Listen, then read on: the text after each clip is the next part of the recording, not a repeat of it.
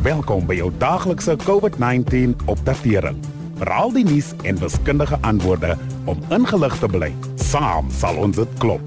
Aangebied deur die Departement van Gesondheid en SABC Radio. Sondag aand het Suid-Afrika nie net na inperkingsvlak 1 oorbeweeg nie. Ons het ook vir die eerste keer in byna op die kop 4 maande minder as 15 COVID-19 sterfgevalle vir die dag aangeteken. Ons diepste medelee met die naastes van die wat dood is en ons is dankbaar dat minder en minder van ons nou geïnfekteer word en sterf. Professor Salim Abdul Karim, die voorsitter van die ministeriële advieskomitee vir COVID-19, het ons daaraan herinner dat die skuif na vlak 1 plaasgevind het sodat die ekonomie 'n kans kan kry om asem te skep, maar dat dit tot 'n vlaag nuwe infeksies kan lei as ons nou toelaat dat ons waaksaamheid verslap. Dr Nkosazana Dlamini Zuma, die minister van Samewerkende Regering en Tradisionele Sake, het Suid-Afrikaners ook gewaarsku om versigtig te wees en nie nou hout gerus te raak nie. Ons is steeds in die middel van 'n potensieel dodelike pandemie. Ons moet voortgaan met die voorkomende maatreëls waaraan ons gewoond is, soos om handhigiëne toe te pas, maskers te dra en 'n sosiale afstand te handhaaf. Dit is ook hoekom die owerhede voortgaan om geleenthede te reguleer wat 'n groot risiko inhou. Soos wanneer daar 'n klomp sportgeesdriftiges saamdrom en om die hoeveelheid persone by godsdienstige en sosiale byeenkomste te beperk. Om op 'n doeltreffende wyse te kan aanhou om ons deel te doen, is dit nodig dat ons die risiko's in terme van die nuwe reëls van inperkingsvlak 1 moet verstaan en bestuur. Maar hoe doen ons dit? Want wat behels dit presies? Vandag gesels ons met ons gas oor die verskillende soorte risiko's waarmee ons hier te maak het en die beste manier om dit te bestuur. En ons herinner jou net graag weer. Vir meer gedetailleerde uiteensetting van vlak 1 se reëls, besoek asseblief ons Sikaba iCovid-19 Facebook bladsy. Vanaand gesels ons met Marion Scheenveld, farmaseutiese beleidsspesialis vir die uitgebreide immuniteitsprogram by die Nasionale Departement van Gesondheid. Marion, van die begin van die COVID-19 pandemie af het ons gepraat van hoe jy jou risiko om die virus te kry kan verlaag. Nou dat die inperkingsregulasies op vlak 1 is, wat moet ons weet oor hoe om ons risiko's te bestuur? Wel, kom ons praat oor die basiese beginsel van risiko. Risiko verwys na die waarskynlikheid dat iets sal gebeur. Maar met COVID is daar 'n paar verskillende risiko's om op te weeg. Eerstens, jou risiko om die virus op te doen. Verskillende aktiwiteite en situasies hou hoër of laer risiko in. En hoe meer mense daar is wat die virus het, hoe meer riskant is allerlei soorte aktiwiteite.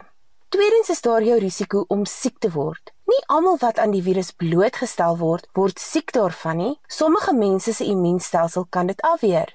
En met COVID is daar selfs mense wat geen simptome toon nie.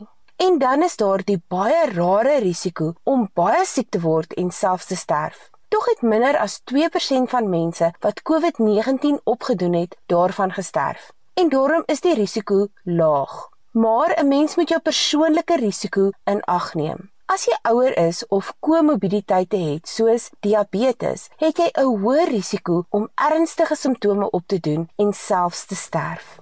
So konteks is belangrik.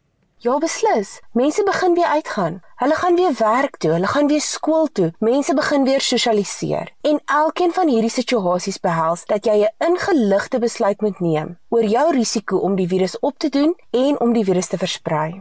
Goed, kom ons kyk gou of ek die ding reg verstaan. Daar's verskillende soorte risiko's wat op COVID van toepassing is. Eerstens jou risiko om siek te word, oftewel hoe aansteeklik 'n siekte is. Tweedens jou risiko om baie siek te word, oftewel hoe ernstig die siekte is en dan jou persoonlike risikofaktore. Wel 'n maklike manier om te verduidelik is om aan risiko te dink as 'n stel trappe, waar elke trap 'n effense hoër risiko is. Jy is hier onder aan die trappe. As jy by die huis bly en glad nie aan die virus blootgestel word nie. Maar veronderstel een of twee van jou vriende besluit om vir tee te ontmoet. Maar julle almal dra maskers, julle is in 'n oop, groot, goed geventileerde area. Jy is definitief op 'n hoër trappie, maar nie naaste by so hoog trap soos wat jy sal wees as jy by 'n byeenkoms is waar daar 50 ander mense is nie. Sommige mense het natuurlik net hoër risiko as ander. Elkeen van hulle risikotrappe is dus groter en daarom moet hulle in alle situasies ekstra versigtig wees. Dis nou mense met hoë bloeddruk of diabetes of diegene wat bietjie ouer is of dalk 'n verswakte immuunstelsel het. Met ander woorde, vra jouself in elke situasie hoe hoog jy teen die steltrappe wil uitklim. En is daar iets wat mens kan doen, soos 'n masker dra wat jou risiko sal verlaag? Is dit hoekom daar dan verskillende inperkingsvlakke ingestel is? Ja, die verskillende inperkingsvlakke hang van risiko af. Daarom praat ons regering van 'n risiko-aangepaste strategie waar kundiges die risiko in elke situasie beoordeel en die resultate gebruik om die inperkingsvlakke te bepaal. Toe ons nog elke dag duisende nuwe gevalle gehad het, was die risiko van verspreiding baie hoog. Maar nou dat daar minder nuwe gevalle is, is daar 'n heelwat kleiner kans dat jy met iemand in aanraking sal kom wat die virus het.